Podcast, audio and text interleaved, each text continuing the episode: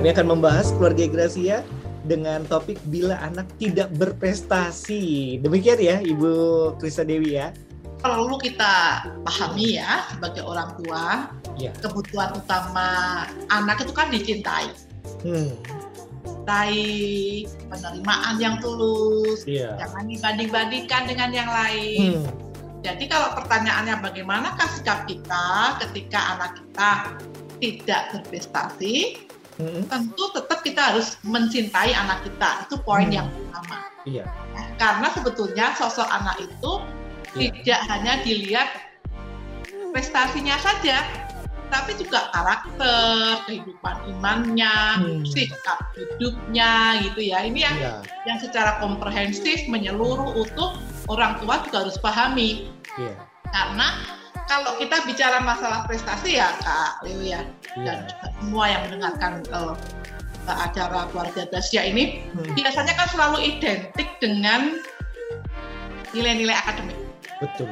Ya, nilai akademis kemudian uh, apa namanya prestasi-prestasi uh, dalam bidang-bidang tertentu olahraga, seni musik, yeah. seni tari, gitu ya, olah vokal. Yeah. Dan ini memang orang tua harus pahami juga selain tadi bahwa anak itu juga moralitas penting sekali, karakter penting, keimanan penting, kemudian uh, sikap hidup penting, gitu ya, hmm. etika itu ya, bukan hanya prestasi, hmm. tetapi juga penting kita pahami bahwa yang namanya prestasi atau yang berkaitan dengan kecerdasan, gitu ya, hmm. itu banyak Iya. Ada yang namanya multiple intelligence, kecerdasan hmm. jamak. Iya. Ya, tidak hanya secara kognitif. Jadi kita nggak bisa melihat anak hanya sekedar ranking satu, ranking dua, rapotnya ada merah nggak? Ini baju iya. saya merah. ya, bukan hanya sekedar itu, tetapi juga bahwa dia bisa bahasanya bagus, berarti kan hmm. kecerdasan secara linguistik. Iya. Ya, dia bisa uh, menarinya bagus, bodily gitu ya, secara yeah. Fisik gitu, physically bodily-nya itu oke okay, hmm. ya. Kemudian bisa juga dia menggambar, berarti kan juga kecerdasan secara uh, uh, ada kecerdasan melihat pemandangan gitu ya. Dia bisa me, me, apa ya merasakan intuisi juga untuk memahami perasaan orang lain secara uh, internal personal. Nah ini yang juga harus kita lihat. Makanya sikap kita bagaimana? tidak ada yang berubah. Kalau anak nggak berprestasi pun kan nggak boleh kemudian kita orang tua boleh benci. Kalau anak nggak berprestasi ya kan nggak ada undang-undang kayak gitu. Nah, pahami kebutuhan anak kita dia betul cintai. Hmm. Cintai dan mungkin tadi juga di awal sudah Kak Leo uh, uh, singgung dimotivasi, yeah. yuk kita dorong. Hmm. Kita kita coba untuk uh, tahu juga menggali potensi anak kita di mana nih. Hmm. Ya. Iya, iya. Kita amati dan yang penting Anda sendiri juga kalau mau menuntut anak berprestasi, Anda sendiri sebagai orang tua berprestasi apa enggak kan gitu. Ada jangan-jangan pernah nggak ada kelas juga iya. orang tuanya ya. Jadi mesti ngacak juga ya. Kita sama ini ngapain, bagaimana gitu. Iya iya. Jadi uh, tidak ada yang berubah kalau anak anda keluarga Gracia tidak berprestasi gitu ya Bu Krista ya. Dan uh, tentunya prestasi itu tidak hanya secara akademis. Hmm. Nilainya 10, 9 atau enggak merah gitu ya. Hmm. Tapi banyak sekali kecerdasan-kecerdasan yang lainnya bisa di up gitu ya uh, untuk anak-anak Anda ini punya satu kemampuan yang lebih juga. Nah, tapi Bu Krisna, saya mau hmm. nanya nih, banyak orang tua, ini kan ceritanya kalau anak tidak berprestasi yang kita bahas. Hmm. Lalu kadang-kadang tuh orang tua malu gitu ya. Uh, misalnya dengar cerita, wah anaknya ikut lomba nih gitu ya, punya hmm. punya prestasi diikutkan lomba dari sekolah, kemudian juga kalau ikut lomba sana sini menang gitu ya. Hmm anaknya kok gitu ya? Gitu ya makan makannya sama nasi gitu ya. Tapi anak saya kok enggak. Kadang-kadang orang tua tuh punya perasaan apa ya agak bersaing dengan orang tua yang lain. Cara mengatasinya uh, Bu Krisna bisa share nggak sih gimana nih untuk kami yang orang tua nih punya perasaan kayak minder rasa nggak suka juga anak yang lain kok berprestasi anak saya enggak nih agak-agak malu gimana gitu itu berarti orang tuanya bermasalah dalam hal penerimaan Hmm. Artinya dia tidak bisa menerima anak seutuhnya. Menerima anak itu kan tidak hanya ketika dia berprestasi, tidak hanya hmm. ketika dia pandai, tidak hmm. hanya ketika dia membanggakan, hmm. tapi justru di tengah kelemahan anak, artinya kan kalau nggak nurut dengan kita, nggak sesuai ekspektasi yeah. kita, nggak sesuai harapan kita, hmm. Dia lemah di titik-titik tertentu, hmm. dia bahkan tanda kutip sakit, mengecewakan, hmm. bagaimana kita bisa menerima? itu okay. namanya unconditional love. Banyak menerima. masalahnya di sini ya Bu Krisna ya sebenarnya. Iya, Kalau anaknya pintar sih masih menerima gitu ya. Menerima. Oke, okay. jadi itu masalah penerimaan. Iya. Jadi kita kadang-kala menuntut pembandingan orang lain, aduh malu, ngapain mesti malu gitu ya. Hmm. Lah, anak kita sudah ikut lomba aja nih kalau saya mengatakan ke anak saya, kamu sudah dipilih sekolah yes. untuk mewakili sekolah, berarti kamu yang terbaik di antara siswa yang. Jadi perkara nanti menang atau tidak itu nggak masalah nak saya bilang gitu. Yang hmm. penting kamu ngambil yang terbaik, mama doain. Hmm. Ketika Tuhan mengizinkan kamu belum menang, belum hmm. dapat piala, trofi, hmm. itu nggak okay. wah gitu ya. Makanya kadang-kala orang tua juga mesti apa ya istilahnya juga uh, uh, uh, berpikir dengan penuh kesadaran. Yeah. Kalau saya boleh katakan, yeah. malulah ketika anda nggak bisa mendidik anak jangan malu ketika anak nggak berprestasi. Iya. Bahkan kalau kita memuji dalam teori uh, psikologi perkembangan anak juga, memujilah karakter anak. Hmm. Bukan memuji secara fisik ataupun prestasi doang, tetapi karakternya. Eh, pinter ya, udah bangun lebih pagi. Eh, hebat, rapi. Iya. Meja belajarnya barusan ditata ya. Hmm. Hanya begitu. Hmm. Itu karakter anak yang mulai rajin, mulai tepat waktu, ngerti tanggung jawab itu yang kita puji bukan sekedar prestasi atau sekedar fisik eh cantik anak mama perempuan ya cantik itu ya nanti kalau cantik terus nggak dipuji ya kan terus anaknya siapa gitu ya bu ya jadi poinnya jangan malu ketika anak nggak nggak nggak menang jangan bandingkan dengan yang lain itu sangat menyakitkan buat anak tapi justru malulah dengan diri anda ketika anda nggak bijak di dalam mensikapi uh, anak Anda untuk iya, iya. dan menerima kekurangan. Oke, ini luar biasa nih Bu Krista ya, hmm. pendengar nih. Kita jadi jadi mungkin siang hari ini aware dengan karakter sebenarnya. Yeah. Ya. Kita hmm. lupa bidang karakter ini kita nggak pernah puji gitu. Yang hmm. kita hanya pikirkan yang kita puji itu untuk hasil yang bagus gitu. Wah ulangannya bagus gitu ya untuk hal-hal seperti itu. Tapi kita hmm. lupa ketika mereka bangun tidur lebih pagi mereka mau membereskan tempat tidurnya sendiri meja belajarnya hal-hal kecil kita lupa. Ternyata karakter juga perlu dipuji ya keluarga Gracia. Tidak hanya kecerdasan nilai akademis saja. Nah, salah nggak sih Bu Krista kalau misalnya uh, kita itu menuntut anak untuk berprestasi?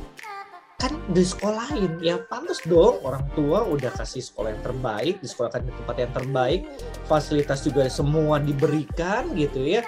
Semua yang terbaik untuk pendidikan anak rasanya itu jadi impian semua orang tua. Loh kok nggak boleh untuk anak berprestasi sebetulnya setiap orang tua uh, ada keinginan kan anaknya berprestasi sehingga kalau salah enggak ya nggak salah hmm. ya nggak salah sah-sah saja normal hmm. semua orang pingin wah anaknya di sekolah yang terbaik yeah. difasilitasi misalnya ada orang yang merasa seperti itu kan hmm. pinginnya anak juga punya prestasi bagus dong tapi yeah. ketika sudah sekolahnya dibeliin yang paling excellent yang paling wow yang memang taraf internasional, eh, misalnya begitu ya, yeah, yeah. yang tidak biasa-biasa saja. Yeah. Kadang-kala jaraknya jauh satu jam dua jam ditempuh, waduh anak-anak pada tua di jalan. Karena orang tua yang terlalu punya ambisi anaknya berprestasi, kemudian bisa mungkin ke luar negeri, bisa ini, bisa itu, sehingga kadang-kala lupa bahwa anak ini perlu juga happy happy gitu ya. Hmm. Jadi sekali lagi uh, jawabannya nggak salah, ya nggak salah Artinya hmm. wajar setiap orang ingin anaknya berprestasi. Hanya sekali lagi, ayo kita cek dalam diri kita, apakah Anda sebagai orang tua sungguh-sungguh sudah hadir hmm. dalam diri anak Anda. Hadir hmm. itu ya Anda punya waktu untuk dampingi setiap kesulitan anak, ketika ada PR yang dia nggak bisa, ketika dia mungkin badannya nggak enak, kemudian ketika dia merasakan bahwa dia butuh Anda untuk mendengar, untuk bermain, yeah. untuk ngantar sekolah misalnya. Yeah. Maka ada kala orang tua, aduh saya jadi tukang masak, jadi tukang ojek, jadi mama-mama kan pada kalau begitu. Curhatnya ya, gitu ya? Itu kita kan harus melepas anak panas sesuai dengan tujuannya Tuhan itu kan yes. harus ya berdiri tegak supaya nggak meleset, nggak nggak apa ya. Yeah membelok atau mungkin tidak tepat sasaran nanti bisa ke kiri ke kanan hmm. ya harus seluruh badan kita ini benar-benar konsentrasi, ya tangan, ya kaki. Iya. Artinya mari kita sungguh-sungguh pertama ya libatkan Tuhan dalam diri anak kita didoakan gitu ya iya. supaya memang kerinduan berprestasi itu dari iya. orang tua tidak sekedar keinginan orang tua ya. tapi Tuhan pun memberkati sehingga anak boleh bersuka cita dengan prestasinya Ya. Karena gini loh Kak Leo, juga ya. semua pendengar yang menyaksikan program keluarga Gracia ini, ya. banyak anak yang berprestasi tapi sakit hati dengan orang tuanya. Kenapa Bu? Karena maunya orang tua. Oke. Untuk okay. dia misalnya juara satu dalam hal ulah vokal, tapi nggak suka, iya, iya. dia merasa tersiksa atau hmm. main musik, hmm. atau mungkin ketika uh, kuliah dia bukan jurusan itu senengnya, hmm. tapi orang tuanya maunya di situ Hmm. Ada yang saya tangani kemudian pokoknya saya harus lulus cepet, kumlot, biar kemudian saya bisa memilih pilihan saya. Makanya ijazahnya dikasihkan bapak ibunya. Nih, yeah. papa mama pengen ini, saya sudah selesai, fakultas yang papa mama inginkan, sekarang giliran saya memilih yang saya inginkan. Yeah. Nah ini ini luka, hati ini terluka, akhirnya jadi uh, mengganggu perkembangan jiwanya sih, harus minum obat, harus terapi macam-macam karena merasa sejak kecil selalu dalam penjara yeah. dikekang oleh orang tuanya. Berprestasi berprestasi tetapi tidak ada sukacita. Hmm. padahal sebetulnya kalau firman Tuhan kan tidaklah kita ini ya orang tua kan bersukacita ketika anak-anak hidupnya dalam kebenaran. Yeah. ya. Bagiku tidak ada sukacita selain mendengar anak-anakku hidup dalam kebenaran. Nah kalau dia memang menurut anda benar nih tetapi hatinya terluka karena anda paksa. Ini kan juga nggak benar jadi ketika berprestasi boleh wajar, asal itu kita bawa dalam perkenanan Tuhan.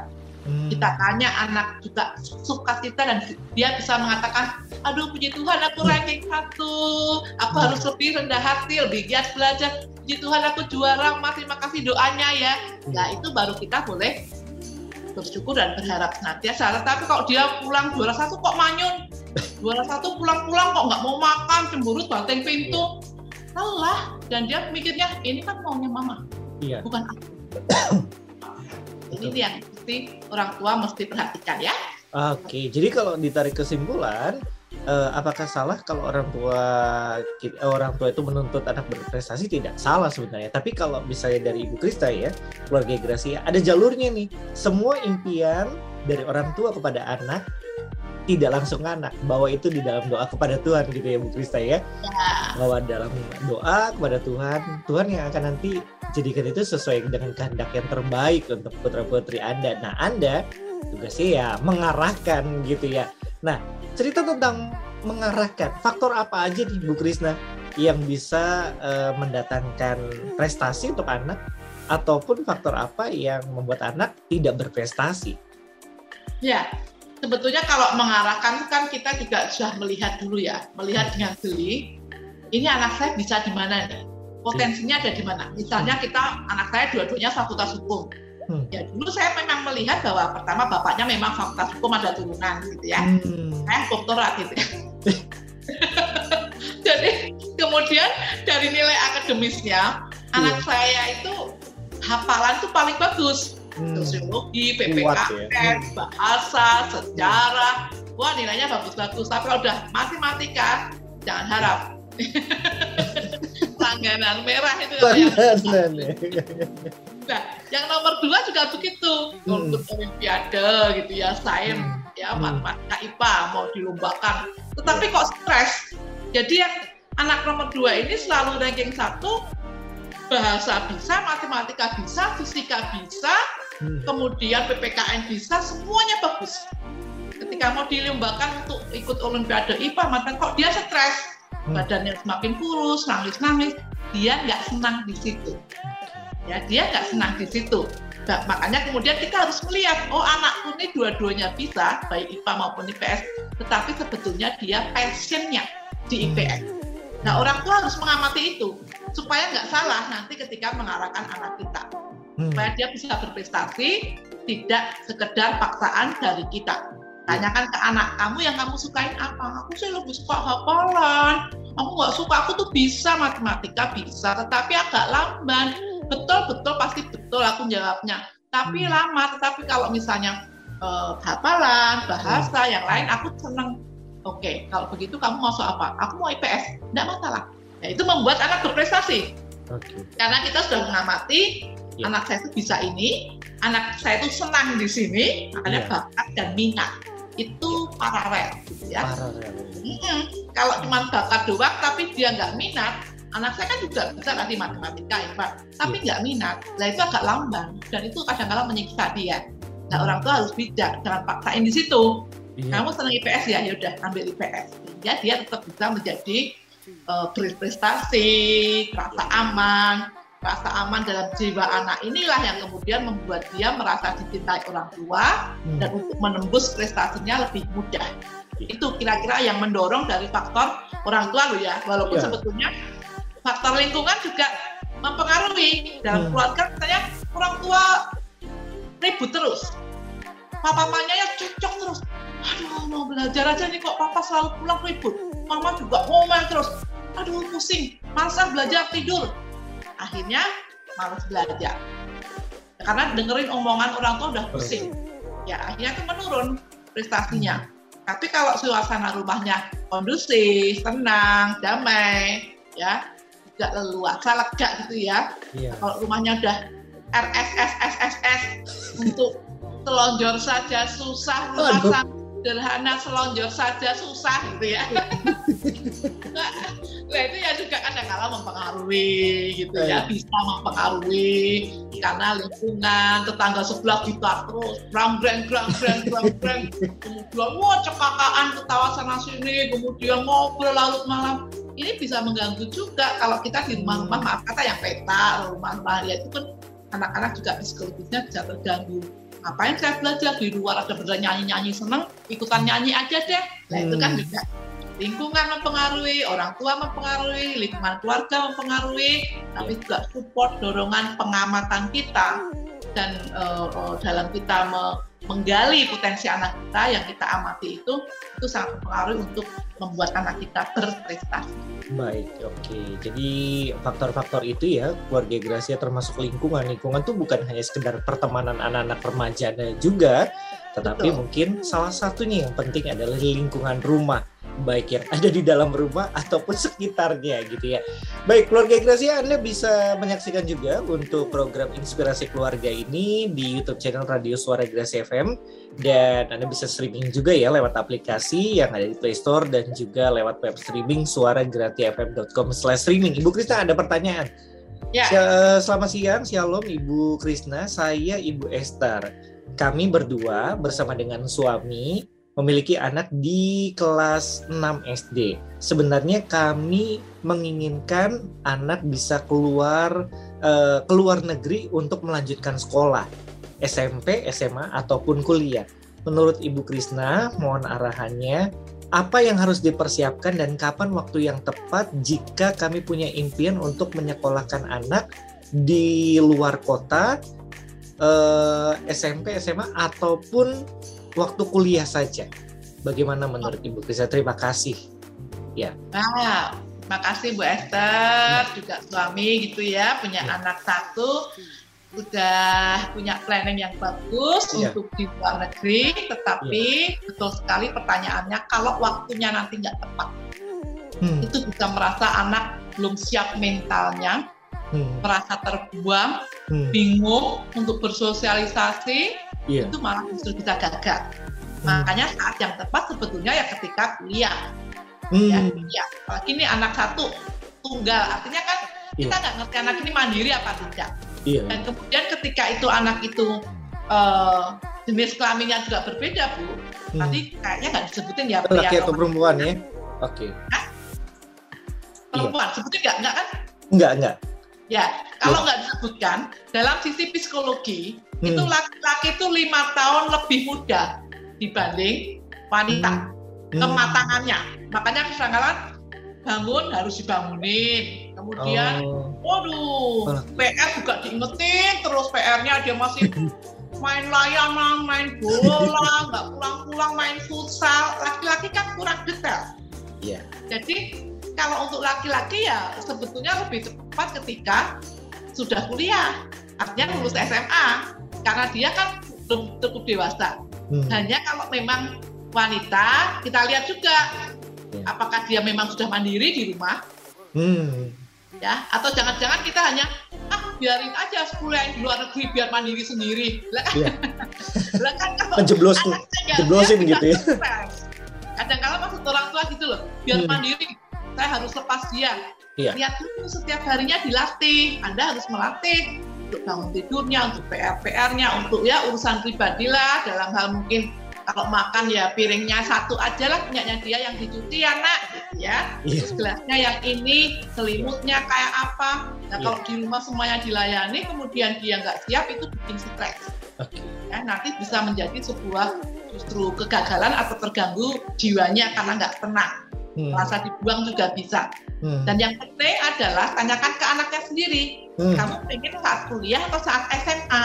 Mama Oke, komunikasi berarti ya Bu ya? Ya, komunikasi hmm. dia tidak dilibatkan, hmm. karena kan dia bukan anak kecil lagi, yeah. dia punya pendapat juga, dia yeah. punya uh, ide-ide sendiri juga, dia tahu kemampuan dirinya juga, ya yeah. itu yang memang komunikasi dengan anak mau kapan, hmm. saat SMA atau saat kuliah, yeah. jangan dipaksakan yeah. ya, karena dia akan bertanggung jawab dengan pilihan dia. Yeah. Kalau nanti kita ah ngapain kuliah-kuliah kelamaan, SMA kamu sana, kalau kamu SMP, dan nanti dia nggak siap kemudian ini kan mau maunya mama. Nah, ini, ini Ibu Esther menanggapi nih, uh, Ibu Krisna ya, maaf saya putus ya, anak saya laki-laki. Bu, hmm. saya mau melanjutkan bertanya sekarang kan ada juga yang SMP atau SMA yang sistemnya uh, asrama. Bagaimana kalau seperti itu? Ya itu akselerasi naik sebelum itu iya. karena kepandaiannya. Iya. Kita jangan lihat dari sisi uh, kenaikan level akselerasi untuk kemudian disubmit yang lebih kepada uh, istilahnya oh anak usia segini sudah bisa kelas sekian gitu kan, hmm. gitu kan, gitu kan. Tapi mental anak ini loh, Ya, kita nggak berbicara hanya sekedar uh, prestasi secara hmm. akademis. Tetapi saya mau katakan, ketika anak Anda mentalnya belum siap, kacau. Iya. Yeah. Chaos, gitu ya. Yeah. Dan nanti Anda akan menyesal ternyata tidak seperti harapan Anda. Dia mungkin masih perlu pelukan. Dia hmm. masih perlu waktu banyak dengan papanya, ke bengkel, main futsal, nonton film bareng teman-temannya di sini dan yeah. kemudian kita mencabut akarnya itu memindahkan tempat yang lain ya kayak tanaman saja bisa jadi layu dan tidak berkembang bahkan tanda kutip mati. Yeah. makanya perlu diajak bicara ya. Iya yeah, oke. Okay. akselerasi tetap uh, apa kedewasaan mental pola pikir tanggung jawab karakter itu harus dilihat. Apakah anak saya siap saya lepas? Tuh. Baik Pertanyaan selanjutnya, Bu Krista. Saya ya. adalah salah satu contoh anak yang tidak berprestasi di antara kakak-kakak saya, Bu. Kalau naik kelas pasti dengan nilai yang mepet. Seberapapun saya berusaha belajar, ya tetap saja nilai saya tidak begitu baik. Sampai akhirnya saya dibebaskan memilih jurusan untuk kuliah di luar kota dan membebaskan saya untuk bereksplorasi apa yang saya suka. Saya akhirnya memilih jurusan sastra Inggris dan nilainya lumayan namun saya sangat baik di luar akademik dalam hal keahlian yang lain yang akhirnya saya gunakan sampai sekarang di dalam dunia pekerjaan. Saya yang saya mau bagikan adalah tidak semua anak berprestasi berprestasi dalam bidang akademik dan tidak menekan anak untuk memiliki prestasi yang tinggi bila anak memang tidak mampu. Tapi sebaiknya dukunglah anak dalam prestasi di luar akademik. Ini sharing pribadi berarti ya. Punya punya pengalaman tersendiri, Bu Iya. Itu memang betul. Saya mau ke mana sedikit. Thank you untuk sharingnya ya. Iya. Ini sangat sangat me, membuka pikiran-pikiran orang tua yang kadang kala maaf kata hanya berpikir bahwa anak itu hebat ketika prestasinya bagus. Sekali lagi anak saya yang pertama itu langganan saya dipanggil ke sekolahnya karena nilai merahnya hmm. pasti dua minimal. Tapi selalu saya memfokuskan pada memang kamu sukanya apa. Kamu hebat loh dalam bidang musik makanya sekarang organis organis gereja dia hmm. WL juga pinter organis juga sudah bertahun-tahun dari SMP dia organis. Dan saya mengatakan kamu hebat melayani Tuhan. Kemudian kamu cakap ketika berbicara ambillah nanti ketika kuliah sesuai yang kamu suka. Hafalan kamu kuat makanya ambil fakultas hukum. Sehingga dia sekarang sukses juga dalam pekerjaannya. Ya bagus lah dan bila karirnya itu bagus nah ini yang tadi sharingnya ya. uh, uh, dari uh, siapa tadi itu luar biasa ya. sekali hmm. ya orang tua jangan menuntut di bidang matematika atau knowledge uh, akademis anak nggak bisa di matematika, Anda marah-marahin terus, wow dijejeli les matematika, oh nggak yeah. suka, sudah stres kok kemudian Anda terus kemudian tekan di situ.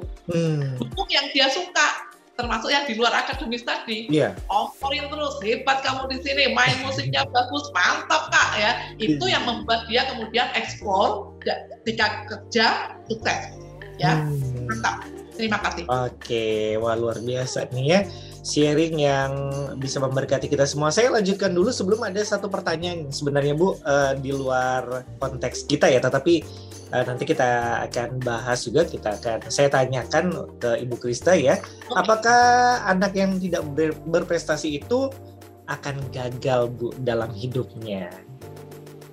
Ya, hidup ini sekali lagi kan komplik ya. ketika dia tidak berprestasi dalam hmm. hal akademik ya ini kita selalu ngomongnya kan prestasi bidang akademik atau yang lainnya. Ya. tapi dia tekun ya. itu bisa berhasil. Jadi hmm. kalau apakah anak ketika tidak berprestasi itu akan gagal? Oh tidak. Tapi zaman sekarang rasanya kurang fight nggak sih bu? Anak-anak yang ada gitu. Menurut bu Krista sebagai pemerhati gimana? Anak-anak yang apa uh, rasanya anak-anak zaman now tuh kurang fight gitu ya untuk sesuatu yang mereka harus perjuangkan. Oh ya daya juang memang daya kan juang. dia agak agak agak menurun karena ya sekarang orang tua fasilitasnya udah bagus hmm. ke sekolah tas dibawain. Pengaruh ya. Pengaruh. Jadi sebetulnya daya juang memang berpengaruh sekali hmm. untuk dia bisa berhasil walaupun ya. akademiknya nggak bagus nggak berprestasi saya punya beberapa saudara yang nggak lulus SMA tapi rumah makannya wah langganan Waduh. pemerintah pemerintah itu kita iya, kalah nih istilahnya omsetnya aja dia buka lagi di sini udah parkirannya luas sekali udah sudah hmm. pokoknya orderannya ada terus gitu ya yeah. padahal dia cuma sekedar kalau mau ngomong prestasi akademis ya nggak lulus SMA oh. tetapi rumah makannya ya kemudian karyawannya bagaimana dia tahu untuk memanggil orang untuk mendidik karyawan ya kemudian dia cakap dalam apa ya ramah tamahnya itu loh membangun hmm. relasinya untuk sampai ke pejabat-pejabat untuk hmm. sampai ada aras-aras pengusaha-pengusaha yang punya karyawan besar sehingga yeah.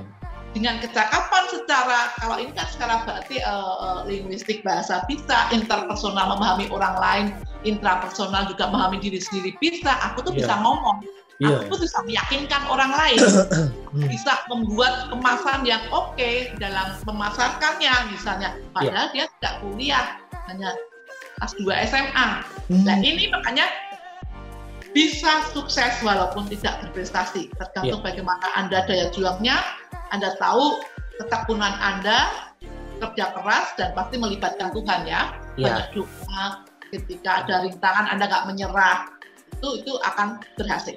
Iya, jangan lupa ya untuk poinnya itu kita terus berdoa ya. Baik, kita ke pertanyaan WhatsApp dulu. Ini sama ternyata. Namanya saya juga Ibu Esther mau bertanya ya. Walaupun memang ini agak sedikit di luar konteks ya, Bu Krista ya.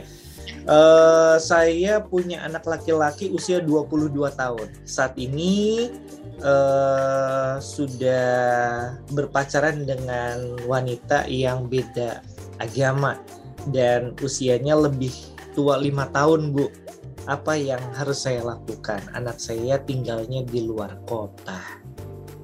Hmm ya ya ya pasti yang pertama ya didoakan ya Bu ya karena ya. memang kuasa Tuhan itu kan bisa melakukan banyak hal hmm. untuk melindungi anak itu hmm. anak itu laki-laki 22 tahun pacaran dengan wanita lima tahun lebih tua tua iya ya jadi ini ya. kan wah harusnya kan idealnya secara psikologis ya laki-lakinya yang lebih tua hmm. ya bolehlah wanita lebih tua tapi ya satu dua tahun aja lah gitu ya misalnya walaupun memang juga oh usia kan nggak patokan hmm. betul juga tapi kan kita harus harus apa namanya melihat secara idealnya. Saya ngomong yeah. idealnya tidak seharusnya ya. Yeah. Ada kecenderungan seperti itu uh, normalnya pada umumnya. Jadi pertama doakan supaya memang ya kalau dia bisa mengikuti iman kita. Yeah. Ya kalau tidak ya coba bicara ke anak dari hati ke hati. Hmm. Ini bisa untuk diputuskan, ya. Karena kalau tidak dia nggak bisa pindah. Istilahnya nggak ikut iman kita. Itu hmm. juga melukai mereka.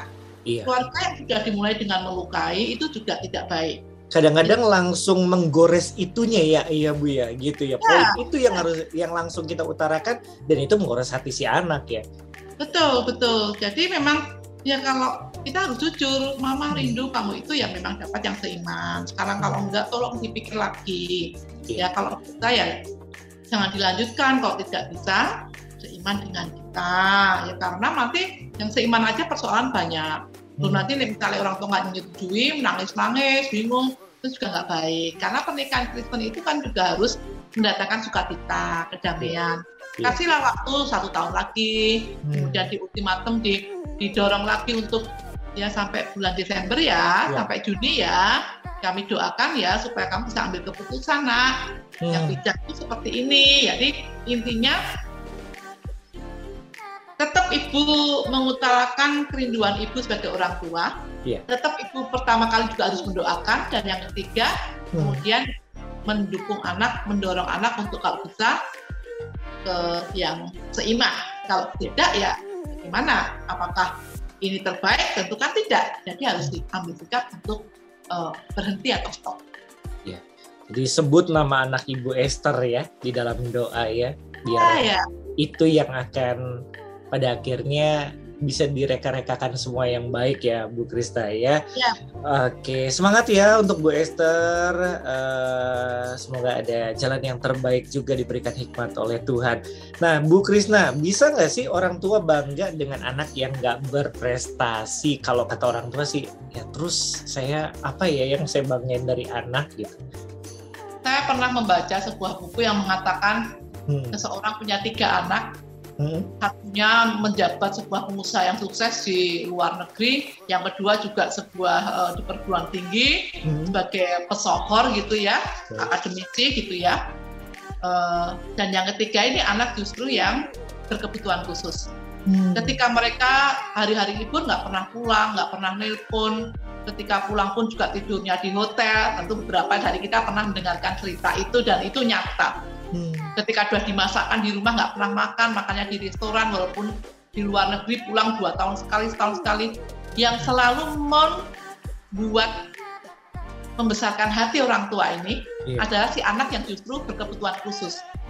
Jadi dia mengatakan, nggak apa-apa, udah dengan bahasa yang memang agak terbatas, tak makan saja, nggak apa-apa, hmm. mama sudah baik, mereka saudara-saudara juga nggak apa-apa, nggak pulang, akhirnya ibu ini orang tuanya mengatakan saya bersyukur dengan anak saya yang tidak berprestasi hmm. tapi selalu ada untuk saya selalu ada untuk mencintai saya hadir buat saya mendengarkan tangisan keluh kesah saya menemani di kala-kala saya sulit untuk berjalan sulit untuk makan hmm. bah bahkan ketika memang dalam kondisi yang dia nggak berdaya apa pun anak saya ini selalu ada untuk menolong saya memandikan saya mengelap badan saya. Dan dia tidak pernah yang namanya berprestasi. Tidak pernah mengenyang pendidikan setinggi kakak-kakaknya yang penuh dengan prestasi. Hmm. jadi kalau tadi pertanyaannya bisakah orang tua bangga dengan anak tidak berprestasi?